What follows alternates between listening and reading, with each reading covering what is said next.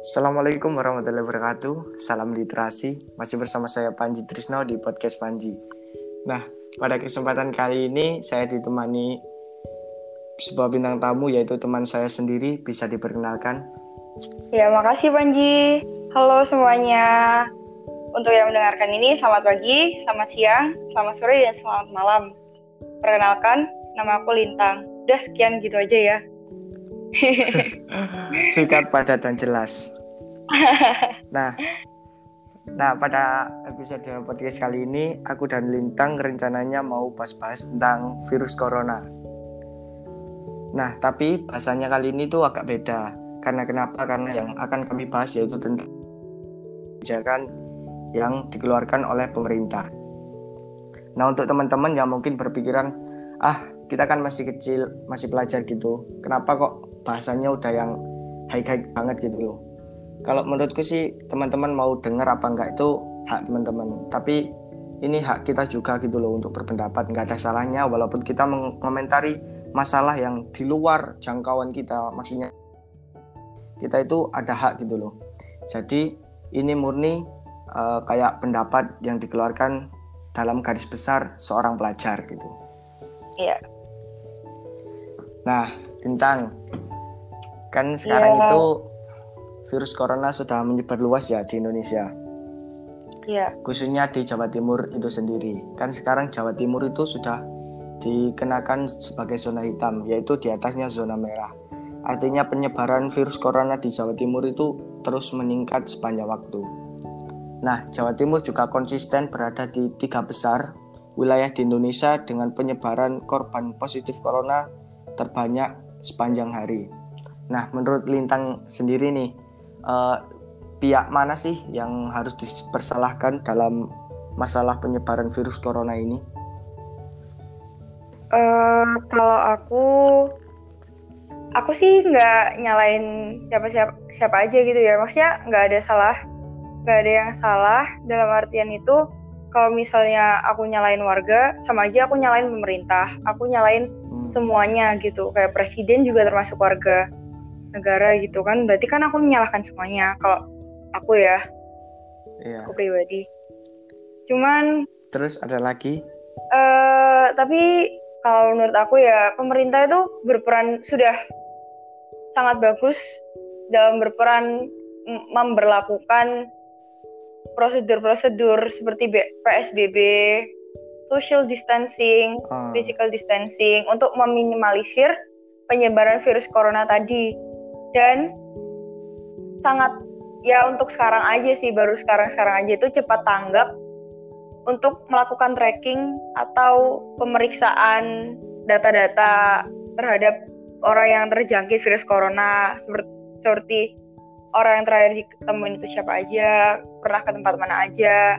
Hmm. Pada pasien corona itu bagus, cuman warganya itu kitanya nggak bisa diajak kerja sama gitu. Uh. Kayak masih membantah prosedur-prosedur yang udah ditetapkan oleh pemerintah. Kayak misal kita nih udah PSBB nggak boleh ke mana-mana, hashtag di rumah aja, Bener. ya kan? Kita udah denger hashtag yeah. di rumah aja, udah dari Instagram, dari Twitter, dari WA pun pasti yang dibahas itu stay di rumah aja, jangan ke mana-mana, gitu kan?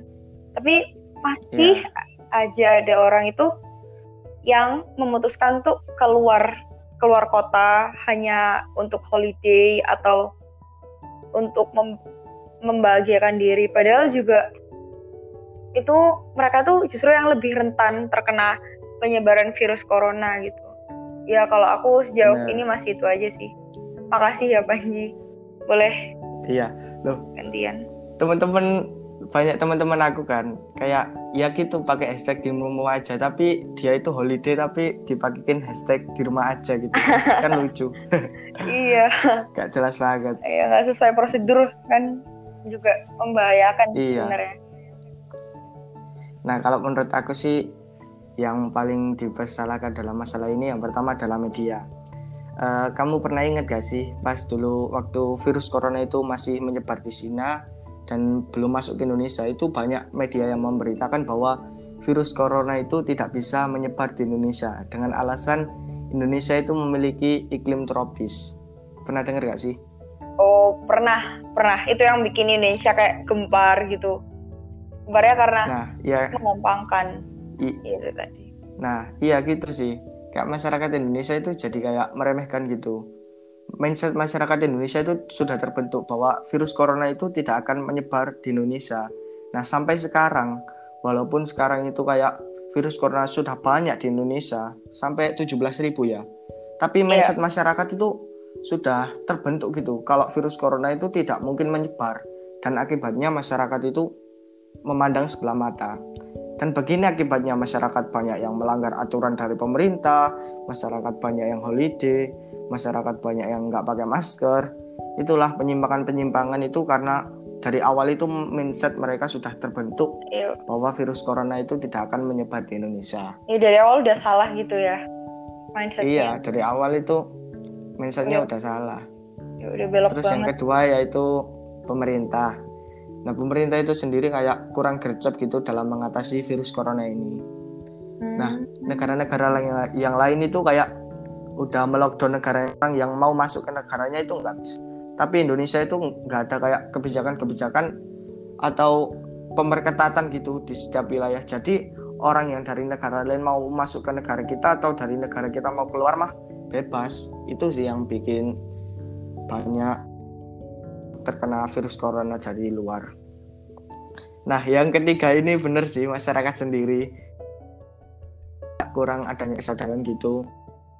Kalau keluar kan Iya.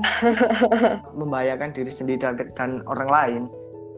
Dalam Iya. wabah virus corona ini dibutuhkan kerja antara di sih.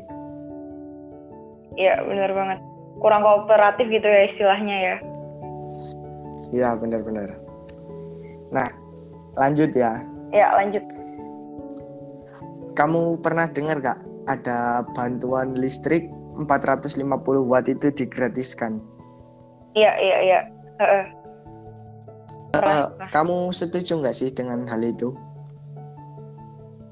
Hmm, kalau aku sih setuju aja ya karena dengan kondisi Indonesia lagi kena pandemik ini memang Hmm. masyarakatnya itu membutuhkan bantuan gitu loh. Jadi apa ya? Kalau aku mikirnya kan dengan adanya pandemik ini kan pendapatan orang juga naik turun. Ada yang bahkan terkena PHK, Bener. ada yang juga gajinya dikurangin kayak Hmm. untuk buruh-buruh kayak gitu terus intensitas kerjanya dikurangin otomatis uang yang didapatkan pun nggak banyak gitu loh Hmm. jadi menurut aku sih ya fine fine aja karena ini juga kan untuk membantu untuk memakmurkan kita untuk membantu kita bertahan di kondisi yang seperti ini gitu sih jauh ini aku kayak gitu Tapi kamu pernah dengar gak ada isu-isu kan kayak gini kan? Kan listrik 450 watt itu kan digratiskan. Iya. Nah, untuk yang 900 watt sama 1300 watt itu kayaknya malah naik gitu. Jadi yang Iya. 450 itu kayak dilampi ya, dilamp apa ya? Dilimpahkan ke 900 watt sama 1300 Iya, watt gitu. ketegangannya lebih tinggi yang dayanya lebih tinggi iya benar banget ya kan kayak lucu gitu artinya pemerintah itu bukan kayak menggratiskan gitu tapi kayak melimpahkan iya membebankan iya Iya yang ke atasnya yang Iya. dirasa mampu gitu ya. iya benar-benar Iya. Terus ada lagi nih Apa kan kalau sekarang kan banyak rapid test gitu kan di pasar-pasar di jalan-jalan Iya kan. iya iya. kemarin kan di budget nah aku mau Iya, tanya iya. nih gimana sih pendapat kamu kalau orang sudah di rapid test terus ketahuan reaktif terus kabur Terus kabur. Nah, itu, itu tuh yang salah siapa sih? Yang salah siapa? Apa karena nggak Kalau- dijaga atau gimana? Itu menurut kamu gimana? aku sih ya jujur jujur banget ini langsung dua-duanya salah. Soalnya konyol banget. Maksud aku konyol itu yang satu itu yang dites tadi reaktif tadi itu harusnya mau diajak kooperatif supaya nggak menularkan penyakitnya ke orang lain. Benar-benar. sedangkan kalau petugas kesehatannya yang pakai APD APD itu yang ngetes itu juga salah menurut aku karena apa? Penjagaannya kurang ketat ya. Entah aku nggak tahu kalau mereka kekurangan orang atau kekurangan tenaga atau gimana. Hmm. tapi harusnya kalau emang udah ketahuan reaktif gitu ada upaya untuk mencegah orang yang reaktif tadi untuk kabur. Karena kan ketika ini nih satu orang ini tadi kabur dia ketemu misal ya dia kontak secara langsung ke lima orang hmm. ya walaupun itu masih reaktif kita nggak tahu dia positif atau enggak walaupun reaktif kan bisa aja ada kemungkinan di mana virus yang dia bawa tadi itu menyebar gitu loh Iya, betul. Terus menyebar lagi kayak perpangkatan gitu kan, kayak eksponen gitu kan. Iya, benar. Jadinya benar, serba salah kalau menurut aku ya. Hmm. Semuanya salah. Yang kemarin kabur itu dipacet ya? Iya, dipacet. Aku yang ngasih kamu, enggak sih? Atau kamu ya yang eh, ngasih? Kamu yang ngasih tahu aku. Eh, tapi aku iya. tadi dari pacet loh. Masa sih? iya, aku tadi sepeda ini tuh kumpulnya di pacet. Emang pakai masker? Ayo harus pa pakai masker. Pakai, pakai, pakai masker. Uh, terus nih, kan ada satu kebijakan lagi ya dari pemerintah ini mengenai bantuan langsung tunai. Nah, yeah. bantuan langsung tunai kamu kamu pernah tahu nggak ada yang viral-viral di Indelanggu? Eh uh, apa tuh? Kayak Kurang kan yang dapat bantuan langsung tunai itu dikumpulkan ke kecamatan. Yeah. Nah, di situ ada salah satu orang motret, ada ibu-ibu pakai gelang emas itu dapat bantuan langsung tunai itu gimana menurut kamu? Aduh, gimana ya? Tapi emang kalau aku kadang-kadang berusaha menganggap wajar gitu ya, karena emang orang kan kadang-kadang dia merasa bisa beli ini itu ini itu tapi pada akhirnya juga merasa membutuhkan bantuan gitu dari pemerintah gitu ya istilahnya. Uh, tapi setuju nggak bantuan langsung tunai ini? Uh, aku sih setuju-setuju aja, cuman emang perlu diselidiki dan diseleksi lebih lanjut. Kayak benar-benar harus ketat dan pemerintah itu tahu siapa aja yang benar-benar layak gitu. Tapi emang semuanya layak sih semuanya. Karena emang semuanya itu membutuhkan. Tapi emang ada beberapa yang benar-benar harus diberikan gitu maksud aku Panji. Paham nggak maksud aku? Jadi semuanya sebenarnya harus dapat harus merata ya kalau bisa. Cuman ada beberapa yang diprioritaskan gitu. Oh, bener, supaya mendukung itu. Kayak kesenjangan sosialnya nggak kerasa-kerasa banget gitu kan Hmm. Iya sih kalau kayak gitu. Kalau menurut kamu gimana? Karena semuanya juga terdampak gitu kan. Iya. Kalau aku sih juga kamu ya nggak apa-apa dapat BLT tapi harus tepat sasaran gitu kan istilahnya. Tapi iya. kan tiga bulan ya. Iya sekitar tiga bulan. Selama tiga bulan. Berapa ya? Salah. 350 ah apa ya? Lupa. Apa lima? Kan Ini rencananya untuk apa?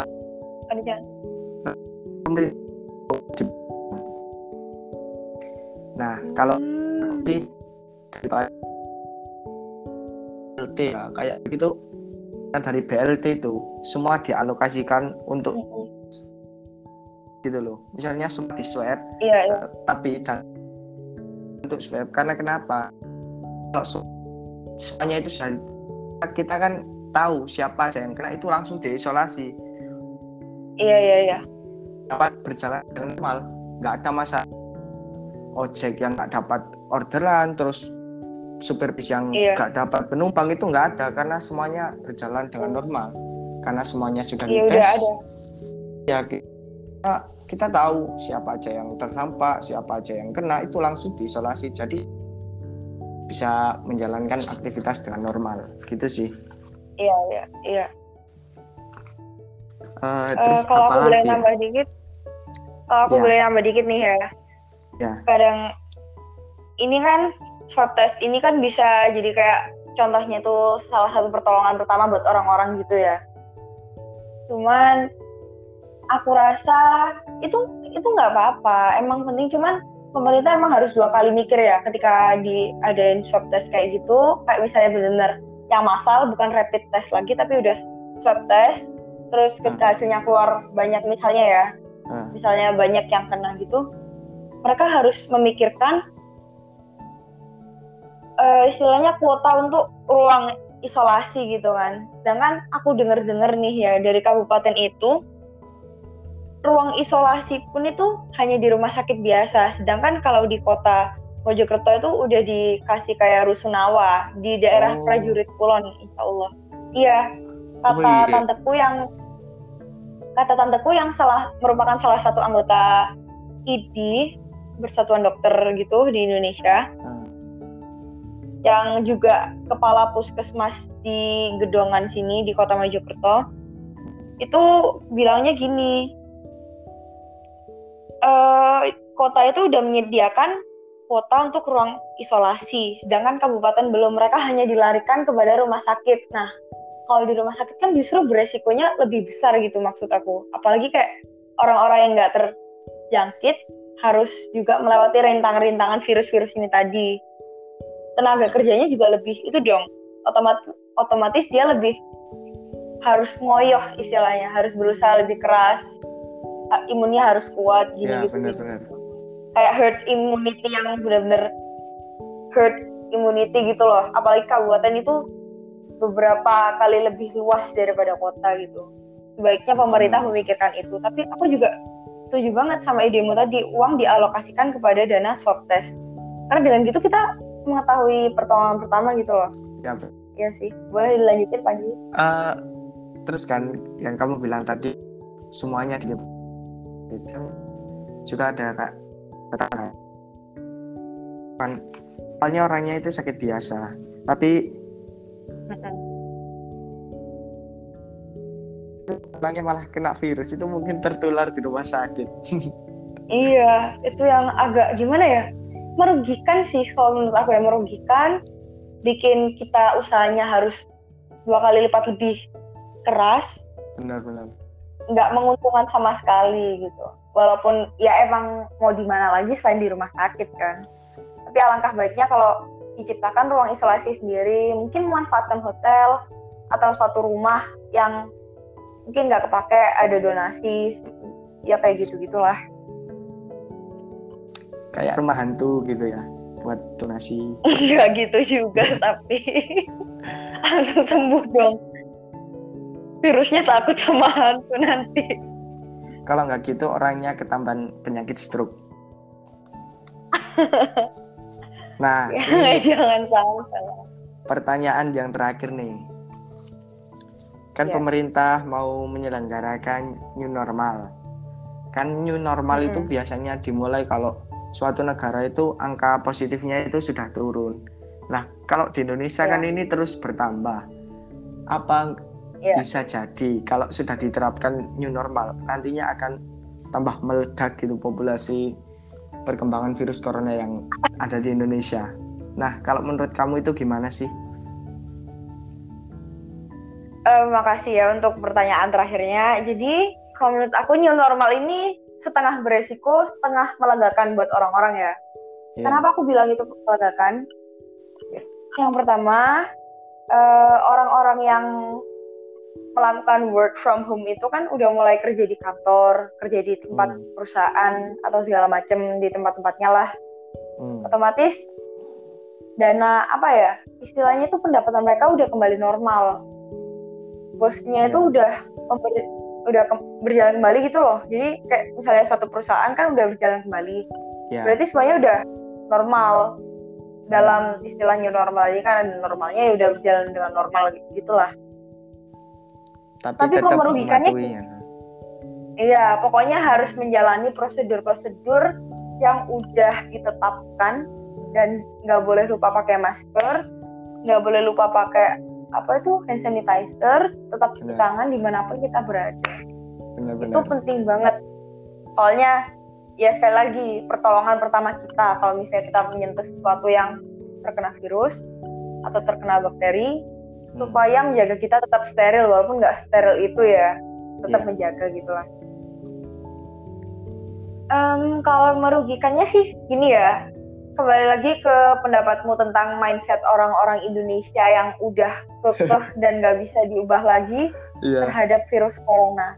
Pertama, orang-orang ini dengan diadakannya normal, normal, mereka merasa kalau ah udah new normal, udah normal. Berarti oh. mereka mereka berpikir kalau nggak perlu pakai masker, nggak perlu melakukan prosedur yang aman itu tadi mereka bisa pergi bebas ke sana ke sini ke situ hmm. rame-rame kumpul bareng-bareng kayak melakukan sesuatu yang nggak bisa dilakukan ketika kita sedang karantina atau isolasi kalau diumpamakan seperti para manusia yang udah terjebak di gua selama ya anggap aja tiga bulan lah ya kayak kita karantina di rumah ini. Yeah. kita aja walaupun sesedikit keluar rumah kita masih merasa ah kosong banget sih. Kita masih nggak bisa bersosialisasi. Jiwa bersosialisasi mereka juga mungkin terganggu mental mereka bisa aja terganggu. Karena hmm. pasti semuanya terganggu karena mereka eh karena kita semua membutuhkan bersosialisasi untuk bertahan hidup kan mau gimana pun entah sama ayah sama ibu sama teman sama saudara nah. sama om tante gitu hmm. dan uh, ruginya sih gini ya kita harus menghabiskan biaya lebih banyak untuk menjaga keamanan keamanan kita gitu bukan keamanan ya kayak hmm. kesehatan kita ketika kita di luar rumah kita kan benar, juga kita bakal merasa anxiety gitu loh kayak insecure karena kita kayak merasa kita ah aku butuh metur aku beri cepat maaf menggunakan bahasa Jawa karena biasanya kan kayak gitu tuh kayak buru-buru yeah. kayak aduh pengen pulang nih pengen pulang. Udah gemeteran kan karena kita udah terbiasa di rumah. Ya, itu benar-benar nyenggol mental sih kalau menurut aku ya. Cara aku juga dibesarkan di keluarga yang benar-benar kayak nggak bisa kalau nggak keluar gitu loh. Emang udah ciri khasnya aja kita keluar terus ketika kita menjalani karantina ini kan juga bikin hati kita iya agak aneh agak nganu agak gimana ya? Aneh banget gitu. Terus new normal tapi gimana itu, pun gimana? kita harus menyesuaikan terhadap suasana baru ini ya. Iya iya. Harus banget bisa adaptasi itu harus kayak hmm. apa gunanya kita dikasih Tuhan kemampuan untuk beradaptasi kalau kita nggak bisa beradaptasi emang kita yang harus fit in sama society pada zaman sekarang gitu. Kayak istilahnya misalnya orang tua nih hidup di zaman sekarang. Ya mau nggak mau mereka harus fit in mereka harus bisa menyesuaikan. Kita juga kadang-kadang menyesuaikan pandangan kita terhadap orang tua kita ketika kita berbicara supaya nggak terjadi kayak pembenturan pendapat gitu kan maksudnya. Betul, betul, betul. dan new normal uh, ini uh, gimana Panji? Gak apa kamu bisa kamu kamu dulu kamu dulu kamu dulu. Soalnya jujur aja aku ini benar-benar apa ya agak aneh kalau misalnya new normal. Aku ini nggak bisa stay di rumah juga tapi uh, new normal ini agak aneh buat aku. Karena cara nggak langsung kan kita membicarakan new normal ini sebagai herd immunity gitu di mana orang itu kayak hukum apa ya hukum alam gitu kita siapa yang kuat dia yang bertahan gitu kan istilahnya oh, iya. Benar-benar. kayak benar-benar seleksi alam yang benar-benar ketat gitu loh padahal kita juga manusia manusiawi kan hmm. harusnya ada rasa peri kemanusiaan di tengah kita sedang melakukan sesuatu kita harusnya mikir kayak kalau misalnya kita keluar kita terkena virus apa nggak menyebabkan di populasi iya manusia populasinya banyak tetapi hmm. kalau kayak gini gini terus gini terus menerus kan juga bisa menyebabkan mengakibatkan depopulasi yang sangat besar gitu loh. Apalagi kita udah kehilangan sekitar berapa berapa juta eh maaf berapa ribu jiwa gitu kan. Hmm. Kalau di dunia mungkin udah berapa juta yang meninggal karena kasus ini gitu loh. Hmm. Ya itu dari aku sih. Makasih Panji bisa dilanjutkan.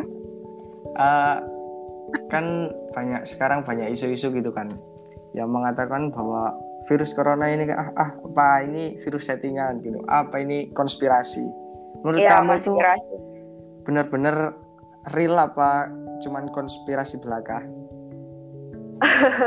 Kalau aku ya, eh, ini sih aku sih tergantung persepsi orang aja. Maksudnya karena aku ini aku sendiri mengartikan kalau ini tuh sebenarnya sebuah konspirasi karena ya ada dari beberapa sumber yang menganggap ini konspirasi dan aku mempercayai beberapa sumber tersebut sih. Kalau virus ini tuh sebenarnya konspirasi dan akibat dari kita tidak bisa menjaga pola makan atau menjaga nafsu kita gitu hmm. kayak kita sembarangan kita nggak bisa menjaga kesehatan kita dengan baik ya Hmm. garis besarnya gitu sih kalau kamu gimana gimana nih Panji Eh, kalau aku sih antara bimbang juga ya. Gimana kalau ini dikatakan konspirasi, tapi ini tuh udah terlalu gimana ya? Udah terlalu besar gitu dampaknya bagi dunia. iya Lihat kan, terlalu matang iya, melihat kan yang korbannya juga nggak sedikit gitu loh.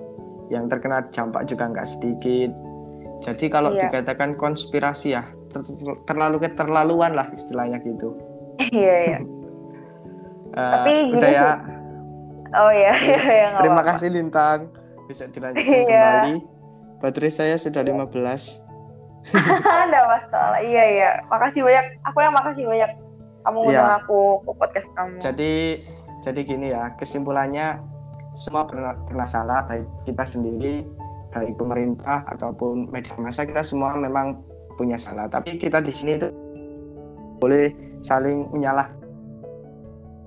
Kita harus kooperatif, kita Iya. harus kerja.